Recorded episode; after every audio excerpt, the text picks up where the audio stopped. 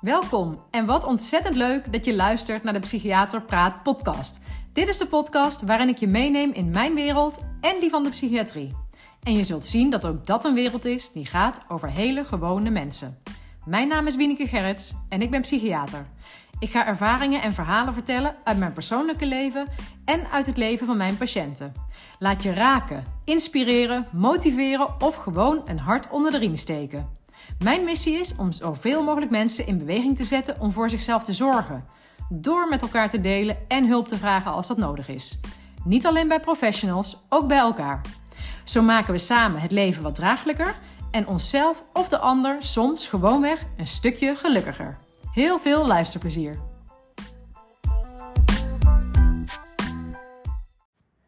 Hey, goedemorgen. Hier ben ik weer met de Psychiater Praat podcast en wat hartstikke leuk dat jullie er zijn.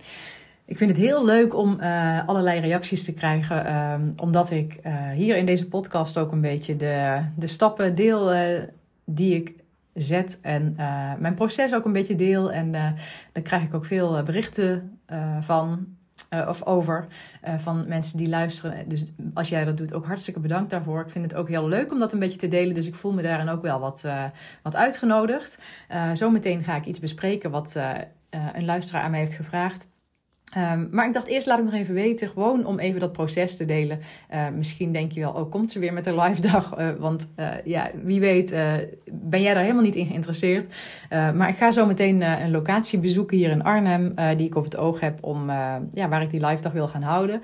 En ik, ik vind dat zo leuk om met dit soort dingen bezig te zijn, waar ik gewoon nog nooit eerder voor bezig ben geweest. Dat het weer allemaal van die nieuwe stappen zijn. En uh, ik vind het ook heel erg spannend, omdat het ook wel zoiets oproept van, oh, het moet wel goed zijn. En ik wil natuurlijk een goed verzorgde dag uh, uh, ja, maken, organiseren. Um, ja, dat het een prettige plek is om te zijn, dat we wat lekkers kunnen eten en zo, et cetera.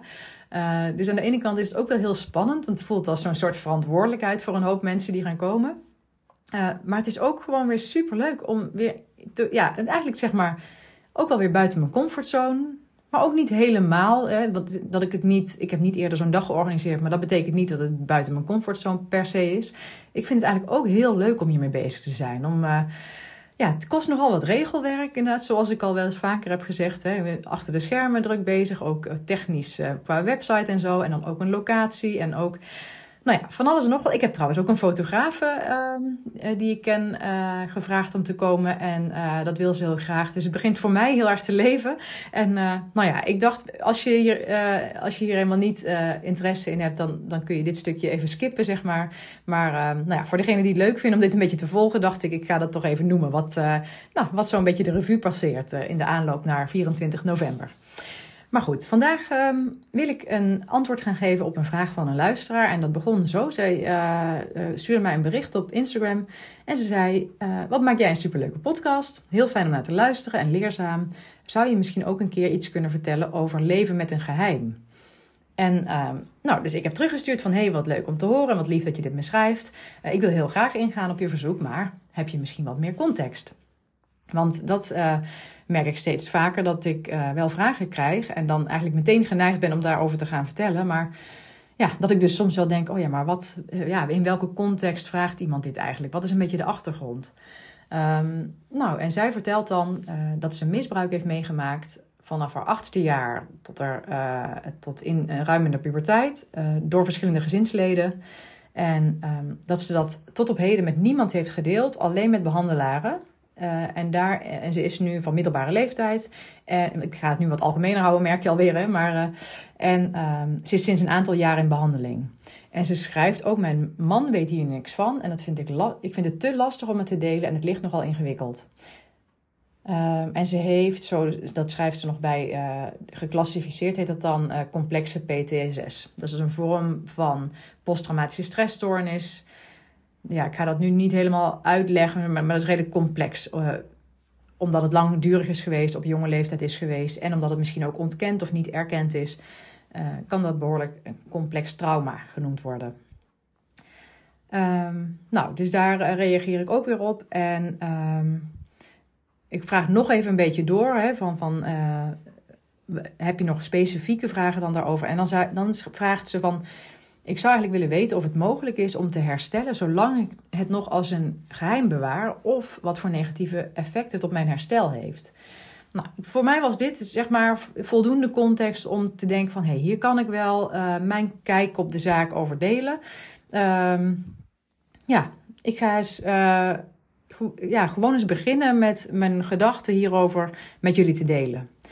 Want, uh, nou ja, laat ik maar eens beginnen met dat ik denk dat het, het is geen regel dat je uh, een geheim, en een geheim zoals dit, dus misbruik uh, op kinderleeftijd, het is geen regel dat je dat met je partner moet delen, wil je kunnen herstellen. Dat is eigenlijk zeg maar één van de dingen die ik erover wil zeggen. Het is niet zo dat dat noodzaak is. Um, want het gaat denk ik eigenlijk over twee verschillende dingen. Of tenminste, het gaat eigenlijk voornamelijk over herstel van trauma en, en, en een daaraan gebonden stoornis, een posttraumatische stressstoornis, met zijn eigen klachten en problemen. Um, en die vraag over herstel gaat dus in zekere zin niet over de relatie die je met je partner hebt. Want dat was wel wat er vervolgens bij mij opkwam. Dat ik dacht, ja oké, maar wat is je verlangen? Wat zijn de waarden waarnaar je wil leven in je relatie? En maar dat is een ander stuk, dus een ander deel van het antwoord dat ik vandaag wil gaan geven. Ik denk, of nee, ik weet dat er heel veel uh, mensen zijn. Uh, ik ben er ook met heel veel aan het werk geweest uh, als psychiater. Die op jonge leeftijd zijn misbruikt. Ook binnen gezinnen inderdaad. En wat heel vaak een probleem is, is dat het nou ja, ontkend wordt door omgeving of überhaupt niet bekend is. Maar ja, er zijn, is natuurlijk altijd minstens één persoon bij wie het bekend is. Maar heel vaak, helaas, zijn er eigenlijk meerdere personen die op de hoogte zijn van misbruik, maar daar dus ook niets mee doen. Dus, en die boodschap die daarvan uitgaat, van er gebeurt iets wat, hoe dan ook, voor het kind, wat het ondergaat, dramatisch is, dus wat traumatiserend is, maar dat wordt niet zo geframed in die context. Er wordt niet door een andere volwassene, ja, want van een ander kind kun je dat weer moeilijker verlangen. Want kind, broers of zussen of andere jongeren weten er soms ook van dat het gebeurt. En die kunnen het ook niet altijd stoppen. Maar ook is het heel vaak zo dat bijvoorbeeld een, een partner van degene die het misbruik pleegt het wel weet. En er wordt niet ingegrepen. Dat is een dramatische framing van wat er gebeurt. Dat is dus eigenlijk ontkenning of negeren of het wegmaken van wat er gebeurt. En daarin begint, of ja, begint, er zitten veel meer aspecten aan, maar dat is één van de dingen die super traumatiserend zijn dat je wel voelt als kind van dit is helemaal fout, dit, dit wil ik niet. Uh, er is dus, misschien kun je er nog helemaal niet die woorden allemaal aan geven, maar eigenlijk uh, weet een kind als het ware dat het niet klopt. Maar als het niet zo erkend wordt, dan gaat dat dus ook op de een of andere manier in het hoofd, maar ook in het lijf van het kind. Er is eigenlijk grote verwarring. En uh, het lichaam, moet ik eigenlijk misschien wel meer zeggen dan dat het kind dat nou actief doet, gaat daar een oplossing voor zoeken. En wat kan er, wat kan er gebeuren? Het kan zijn dat, um, dat de herinnering daaraan helemaal verdwijnt, dat het echt helemaal verdrongen wordt. Want ik heb meermaals volwassenen geholpen in de GGZ, um, die zich eigenlijk, zeg maar, die dus geen herinnering hadden aan misbruik. Die eigenlijk als het ware dat zelf ontkennend beantwoorden. Van nee, dat is niet gebeurd. Terwijl het dan gaandeweg in de behandeling toch naar buiten komt. En dat is geen liegen geweest van die personen. Dat is echt, dan is het gewoon helemaal weggemaakt. Dat is een overlevingsreactie van het lijf en het brein die dat ja, wegmaken letterlijk. Um, en, en dat is niet altijd zo. Het is niet altijd zo dat die herinnering weggaat. Heel veel mensen hebben gewoon wel steeds een actieve herinnering eraan. Maar dan moet je daar dus een betekenis aan gaan geven van dat dat gebeurd is. En dat, dat, dat men, of minstens één persoon, maar vaak meerdere, dat het dus eigenlijk hebben toegelaten dat dat gebeurde. Nou, dat doet heel erg veel met je zelfbeeld, met je eigen waarde, hè, met je vertrouwen in de ander. Nou, eigenlijk hele negatieve gevolgen heeft dat voor je persoonlijke ontwikkeling. je hebt heel vaak gewoon je hebt een hele negatieve kijk op jezelf en ook een hele wantrouwende blik naar de ander. En ik denk, dus als je vraagt, maak ik weer even een sprong naar de vraag, van als je dan vraagt van ja, um, zit dit geheim mijn herstel in de weg, dan denk ik, nou, het is heel belangrijk dat het ontkennen of het wegmaken of het, uh, ja, hè, dat die verwarring, dat, dat die verholpen wordt. Dus het is heel belangrijk dat er erkenning gegeven wordt aan het misbruik. En uh, dat er met mildheid nagekeken wordt. Dat, er, dat, dat als iemand zich daar schuldig over voelt, dat dat er vanaf gaat. En daarin denk ik dat de vrouw die mij deze vraag nu stelde, dus eigenlijk al enorme stappen heeft gezet. Ik weet natuurlijk niet hoe het voor haar is geweest, hè, dat toen dat misbruik ophield ergens in haar puberteit. Uh, ik weet niet of het bij haar zo is dat het verdrongen is geraakt, of ik weet niet de achtergrond hoe, het, hoe, hoe haar zelfbeeld is geworden. Um, nou, van welke dingen ze last heeft gehad. Maar wat ik wel weet is dat ze dus in ieder geval nu sinds een aantal jaar in behandeling is. En misschien wist het al die tijd al, of misschien is dat dus redelijk vers. Dat ze is gaan erkennen voor zichzelf van hé, hey, wat er met mij gebeurd is in die tijd is foute boel. Had nooit mogen gebeuren. Of op zijn minst misschien een klein openingetje van hé, hey, misschien was het wel fout. Want dat is echt zo. Ik weet niet, als je dit niet hebt meegemaakt, dan kun je daar misschien weinig bij voorstellen. Maar ik heb inmiddels zoveel ervaringen daarmee met de verhalen van mensen dat dat zij zelf over het algemeen zo weinig met de vinger wijzen naar de dader. Dus zo er zo van ja, misschien was wat die persoon deed niet helemaal oké. Ja, het is gewoon natuurlijk radicaal fout wat iemand heeft gedaan. Maar dat is echt niet over het algemeen wat er bij misbruikte mensen voor het eerst als eerste naar boven komt. Ze natuurlijk veel meer kijken naar zichzelf, uh, wat ze zelf daarin dan misschien maar te veel hebben toegestaan. Allerlei gedachten of overtuigingen over zichzelf zitten daar vaak in. Ja, en wat wil je als je dus kind bent en er is niet een volwassene die zegt: hé, hey, wat hier gebeurt is radicaal fout? Dan, dan ga je dat dus ook niet zelf zo zien. Dat is echt een probleem. Dus deze vrouw die mij die vraag stelt, vind ik, heeft dus blijkbaar ergens in haar leven, misschien al vroeg, misschien pas recent, wel die deur op zijn minst opengezet. Van hé, hey, misschien is dit wel fout geweest. Ze is hulp gaan zoeken. Of dat vanuit noodzaak kwam, hè, vanuit een crisis, dat zou ook nog kunnen. Dus dat het ook eigenlijk wel gewoon niet anders meer kon. Dat, dat kan. Hè. Soms is er, hè, want uh, heel veel mensen worden heel somber en depressief en wanhopig. En hè, doen ook pogingen om zich van het leven te beroven, bijvoorbeeld met zo'n geschiedenis. Dus dat kan soms een, een, een aanleiding zijn om bij de hulpverlening terecht te komen. En dat daarna pas eigenlijk ja, uh, de goede hulpverlening op gang komt voor dit probleem. Zij heeft dus wel iets heel goeds gedaan. Ze heeft blijkbaar voor zichzelf durven erkennen van er is daar iets in mijn verleden waar ik mee aan het werk moet wat niet oké is. En ze krijgt erkenning van hulpverleners. Dus er zijn nu anderen, dus is er niet meer alleen, het is eigenlijk geen geheim meer. Ja, wel in dit geval hè, nog voor haar partner, maar het is niet meer een geheim waar ze alleen mee loopt. Want, en dat is gewoon loodzwaar als je dat in je eentje draagt. Dus het feit dat zij dit nu al kan delen met behandelaren, ze schrijft ook meervoud, dus er zijn blijkbaar meerdere andere mensen.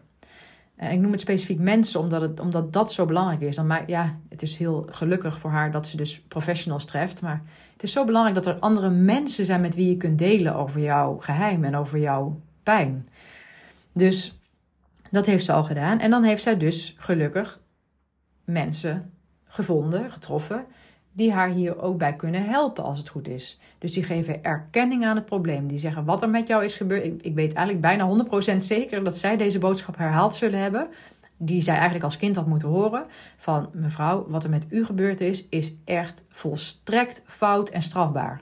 Want dat is echt een boodschap die, heb ik gemerkt, ook heel helpend is voor iemand. Ook al is die nu al van middelbare leeftijd. En hoor je die boodschap voor het eerst over datgene wat jou is aangedaan dat is gewoon heel erg. Ja, dat heeft een hele grote impact. Dat zet echt een deur open naar ja, een verandering van een kijk op het verleden. Van ja, dat je dus eigenlijk echt slachtoffer bent. Want dat is wat mensen heel vaak niet helemaal zo voelen. Die voelen zichzelf ook gedeeltelijk uh, dader, hè, in de zin van uh, schuldig aan wat er is gebeurd.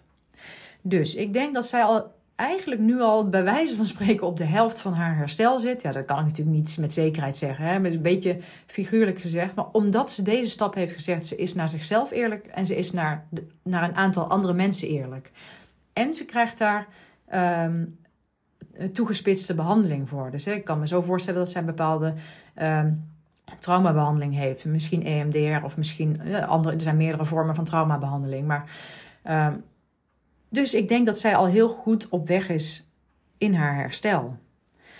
Ehm, en dan denk ik dat de stoornis, hè, die uh, bij haar dan de complexe PTSS, uh, posttraumatische stressstoornis wordt genoemd, dat die kan, nou ja, dat, die, uh, dat ze daarvan kan herstellen, dat die dus kan overgaan door deze behandeling. Maar, dus, dus eigenlijk kan ik haar vraag, ik heb er ja, best lang over na zitten denken van, uh, ja, want het is uh, geloof ik één of twee weken geleden dat ze me die vraag stelde. Ik heb daar wel meerdere keren aan gedacht. En ik denk eigenlijk dat ik op die specifieke vraag van... is het mogelijk om te herstellen zolang ik het als geheim bewaar? Ik denk, ja, dat kan. Dat denk ik echt. In haar situatie. Omdat het dus... Voor, het is voor een specifiek persoon een geheim. Maar ze, ze, ze ziet het probleem of ze ziet haar geschiedenis nu wel eerlijk. En zoals ze denk, in mijn ogen zou moeten zien. En ze heeft er hulp voor. Dus dat is positief. Maar dan kom je aan het tweede deel waarvan ik wel denk van ja, leven met een partner die dit deel van jou niet weet, dat lijkt mij wel heel erg ingewikkeld. En, maar dan nog, en, en er viel me zo'n gedachte in van ja, je bent niet je geschiedenis. Je wordt wel heel erg gevormd, voor een heel groot deel door je geschiedenis ook. dus je, degene die je bent geworden, is heel sterk verbonden met je geschiedenis. Maar wie je nu bent, ja, is niet je geschiedenis. Dus als jij nu een leven leeft ehm, en je geeft je leven vorm zoveel mogelijk naar je eigen behoeften, naar je eigen verlangens, naar je eigen wensen. Ehm, en je hebt dat goed met je partner, dan, ja, dan kan dat misschien ook als er een deel is in jouw geschiedenis wat jouw partner niet weet. Want er is ook nog eens een verschil hè, tussen ja, een deel van je geschiedenis niet vertellen of erover liegen. Kijk, stel dat jouw partner wel zijn vermoedens heeft of, of her en der misschien eens een keer wat heeft gehoord en stel dat hij echt op de man of de vraag stelt van hey, ben jij misbruikt? Dan zou, dan zou ik denken van ja, liegen lijkt mij, maar dat is volgens mijn waarden in een relatie van ja, dat, is een, dat, dat zou ik niet doen. Dat staat voor mij een goede relatie echt in de weg. Maar of je alles uit je verleden moet vertellen aan je partner, nou dat hoeft niet per se. Dat doen we sowieso niet allemaal. Het is bijna onmogelijk om alles wat je hebt meegemaakt te vertellen. En dit is natuurlijk een ongelooflijk ingrijpend stuk, wat over jaren van haar jeugd gaat.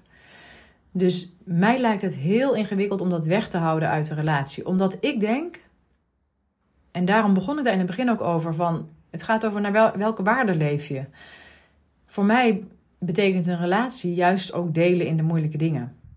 Juist, hè, dat is eigenlijk juist misschien wat je meer doet dan met allerlei andere mensen die in een schil wat verder om je heen staan. Uh, juist een, een liefdesrelatie, een partnerrelatie, um, is wat mij betreft een verbond waarin je, ja, waarin je je kunt laten steunen, waarin je uh, getroost kunt worden, waar je troost kunt vinden. En, en dat, dat geeft een, een diepe verbondenheid onderling. En um, dus ik kan natuurlijk, ik sta niet in haar schoenen en ik denk ook dat het echt onmogelijk is om me daar echt in te verplaatsen. Dus ik wil niet zeggen van uh, dat ik kan weten hoe ik het zou doen. Maar als ik het nu me probeer voor te stellen, zou ik denken van ik zou dat deel van mijn geschiedenis wel willen delen met mijn partner. Want voor mij is het anders moeilijk om een goede relatie met iemand te hebben. Maar dat realiseer ik me ook. Uh, word hier niet meteen wanhopig door, want ik ben ervan overtuigd dat er meerdere mensen zijn die nu luisteren die denken: ja, maar dat kan ik helemaal niet bij mijn partner, of dat heeft mijn partner me niet te geven. Er zijn, uh, want dat, dat heb ik sowieso trouwens ook vaker al in reacties teruggekregen. Dat uh, uh, tot nu toe zijn dat eigenlijk ook altijd vrouwen geweest die zeggen: Ja, maar met alle dingen die jij bespreekt in jouw podcast en die ik zo graag zou willen bespreken met mijn man, dat lukt niet. Want dat, hij, hij praat niet zoveel over emoties of hij vindt het moeilijk om, nou ja, allerlei verschillende uitingen worden daar aangegeven. Maar het kan natuurlijk zijn dat je een partner hebt die op. en dat je een soort ander verlangen hebt op emotioneel gebied. Op emotionele verbondenheid. En dat dat soms ook, om dat verbaal te doen, dus in gesprek, in woorden, voor de een makkelijker afgaat dan de ander. En dan zeg ik niet, nu, hè, dus zo moet je het niet horen, dan zeg ik niet van, oh, dan heb je een slechte relatie als je dat niet bij elkaar kan vinden.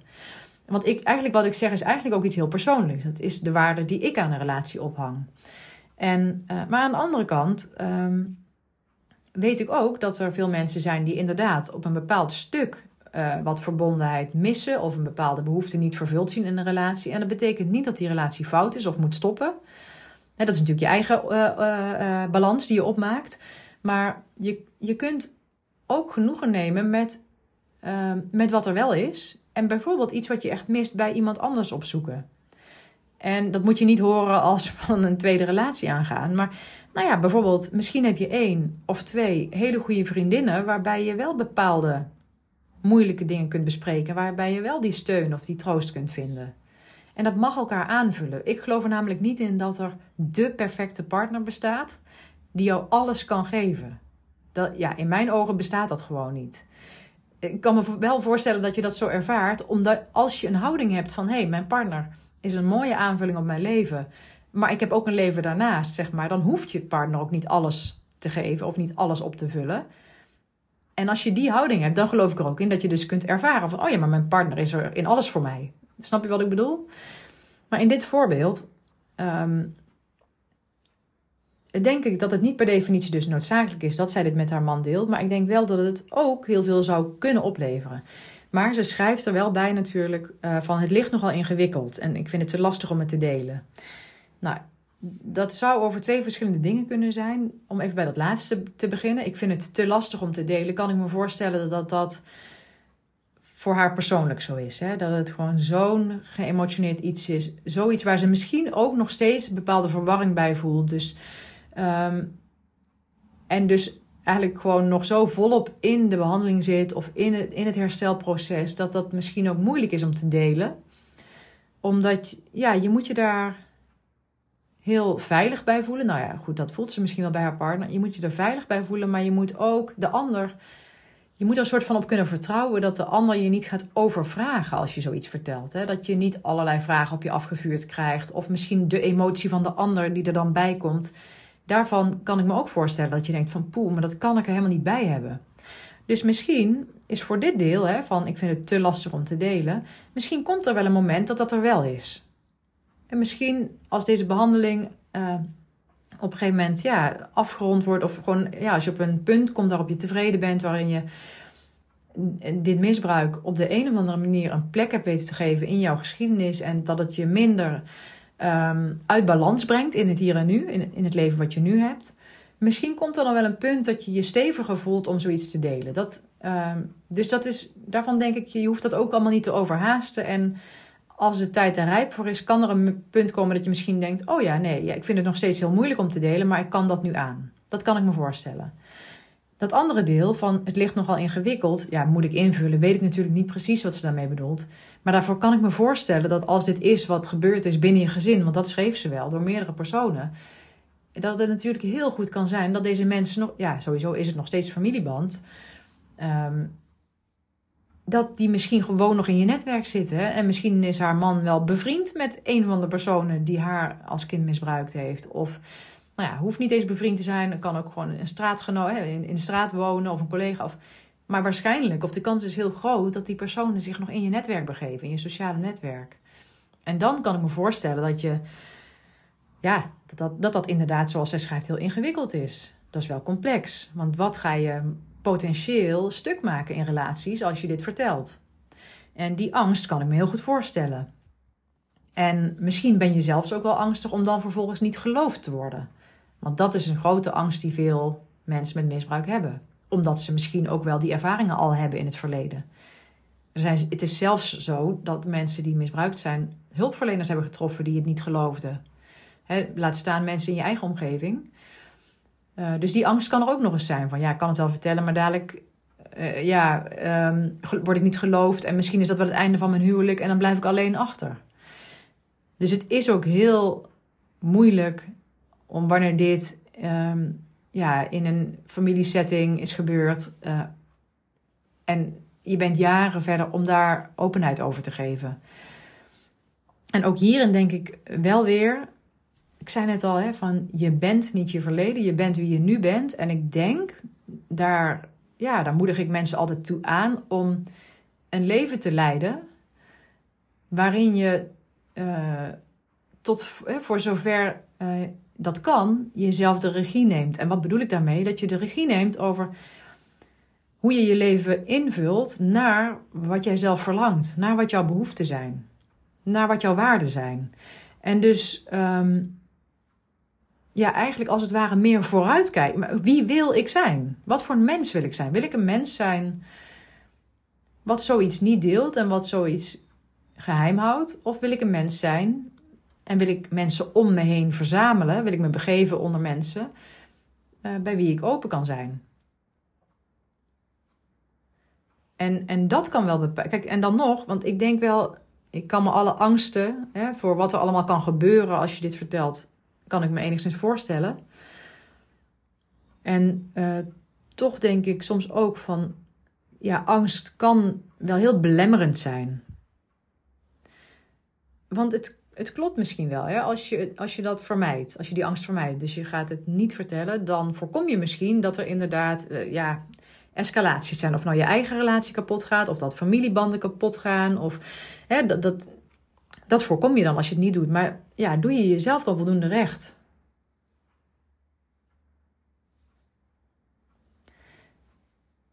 Ik denk dat je dan dat het kan zijn dat je jezelf dan tekort doet. En dan vergt het heel veel moed om zoiets te doorbreken. En dan zelfs is het denk ik zo dat je ook voorbereid moet zijn op potentiële verliezen. Verliezen van bepaalde contacten misschien. Maar de vraag is ook echt, als je echt binnen in je hart kijkt, van wil je dat dan ook? Wil je de contacten houden? wil je dit geheim blijven dragen om bepaalde contacten in stand te houden? Is dat echt jouw verlangen? Ik kan me gewoon voorstellen dat dat niet altijd zo is. Dat je, dat, dat je die vraag niet altijd uh, positief kunt beantwoorden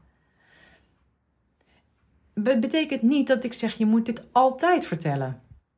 Misschien, want het is wel een beetje een afweging. Ik denk dat je dus, dat voorbeeld wat ik net gaf, je moet het niet verzwijgen omdat je bang bent voor de consequenties, terwijl die consequenties misschien eigenlijk ook voor jou persoonlijk eigenlijk niet um, jouw eigen levenswaarden uh, belemmeren.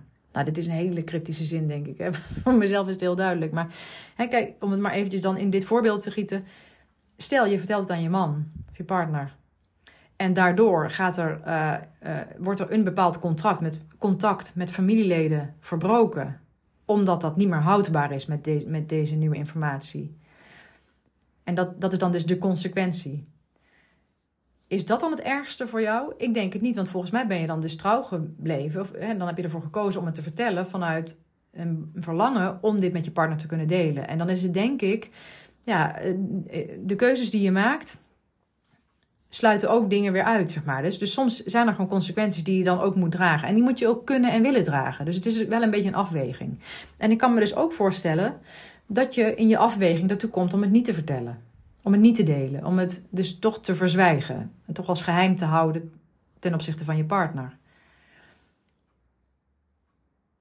Want misschien um, ben je er wel bang, en misschien is dat wel in zekere zin een soort van realistisch, dat je partner het niet kan dragen, dat, dat die eraan onderdoor gaat. En pas op, je moet niet te veel voor de ander invullen. Je kan nooit weten wat een ander denkt en voelt en doet maar goed, als je elkaar al lang kent, misschien, um, ja, misschien is je partner iemand die niet zo draagkrachtig is, ook op emotioneel vlak. Dus misschien ben je er wel bang voor dat je eerder um, uh, ja, voor een soort van verslechtering van het welzijn van je partner en van jullie relatie uh, zorgt als je dat, als je dat deelt.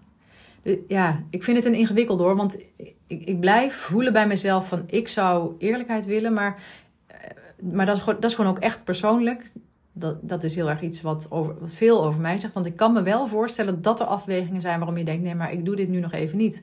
En misschien zijn er ook wel kinderen in het spel. Misschien zijn er wel. Zijn jouw kinderen wel weer bevriend met kinderen van de dader van destijds? Ik, ik noem maar wat, hè. ik verzin het nu ter plekke. Maar hè, misschien is het wel zo verweven. Dus ik kan me ook voorstellen dat er belangen zijn die je voor jezelf zwaarder laat wegen dan jouw eigen belang. Maar dat is wel een. Ik vind wel dat je dat heel goed moet onderzoeken. Of je. Want ja, of je. Uiteindelijk moet je jezelf niet echt tekort doen. In die zin. je, je kunt voor jezelf besluiten van ik neem er genoegen mee met wat ik nu heb en doe. En hier laat ik het bij. En als je daar echt goed bij kunt voelen, dan is dat oké.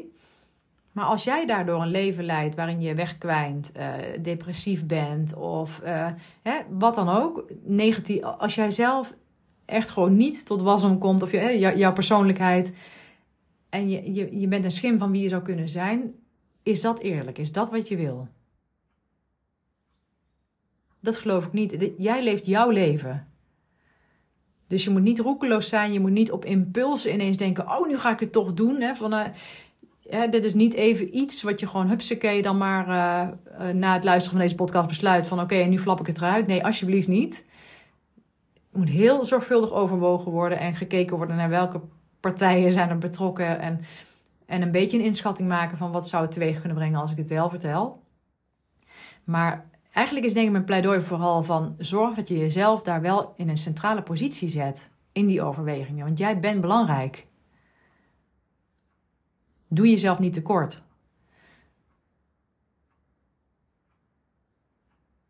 Ja, dat, ik, ik, uh, ja, dat is wat ik erover wil zeggen. Dat is eigenlijk wel, denk ik, gewoon echt de strekking uiteindelijk van zorg goed voor jezelf. Zorg dat je voor jezelf, dat het voor jezelf eerlijk genoeg is.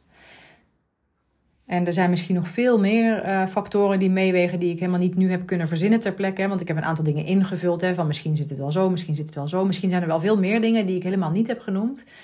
Um, er is geen goed of fout in dit. Om nog even terug te halen. Ik denk niet dat je per se niet kunt herstellen als je het niet met je partner deelt. Ik denk dat het wel kan. Ik denk dat je kunt herstellen. Ik denk dat het um, iets uit kan maken voor je relatie of je het wel of niet deelt. En ook dat is weer uh, afhankelijk van wat jij, welke waarde je hecht aan de relatie of welke, naar welke waarden en normen je wil leven in je relatie. Uh, en er zijn misschien wel nog meer partijen betrokken dan alleen jij en je partner. En um, die zijn inderdaad ook belangrijk om af te wegen, maar vergeet absoluut jezelf daar niet in. Nou, lieve persoon die dit bericht heeft gestuurd, ik hoop dat je het luistert. Ik, ik hoop dat ik. Uh, dat ik iets voor je heb kunnen betekenen hierin. Ik hoop niet dat ik je nog meer verward heb. Uh, reageer natuurlijk gewoon uh, als je het prettig vindt. En dat geldt voor iedereen. Als ik dingen heb gezegd uh, die, waar je verdieping op wil, of waar je je vraagtekenen bij zet, of, of die niet begrijpt, of gewoon nog eens, of nog eens iets wil spiegelen of zo, voel je vrij om een reactie te geven op deze podcast. Ik ga hem voor vandaag hier weer bij laten. En ja, tot de volgende.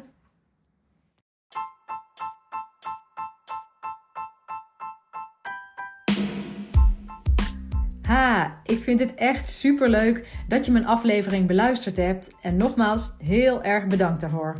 Hopelijk heeft het je ook aangesproken. En wil je me dat laten weten? Dat kan via mail naar info.wienekegerrits.nl, een bericht via Instagram, waar ik te vinden ben onder wieneke underscore gerrits, of op LinkedIn onder mijn eigen naam. Ik vind het heel leuk om ook jou beter te leren kennen en te weten wie er luistert. Jij kunt ook anderen inspireren door mij te taggen, bijvoorbeeld in je stories of je feed op Instagram. En wat jij van mij kunt doen, is in jouw podcast-app waar je deze beluistert, een review achterlaten. Bijvoorbeeld een aantal sterren. Wil je dat doen? Zo kom ik erachter of en hoe mijn podcast gewaardeerd wordt en wordt hij beter vindbaar voor anderen. Overigens kun je je ook abonneren op deze podcast in je app. Hoe dat per app werkt, weet ik niet precies, maar vaak is er een knop subscribe, abonneren of volgen en dan krijg je automatisch een berichtje of in je app te zien als ik een nieuwe aflevering heb geplaatst. Maar nogmaals, super, super, super dank en tot de volgende!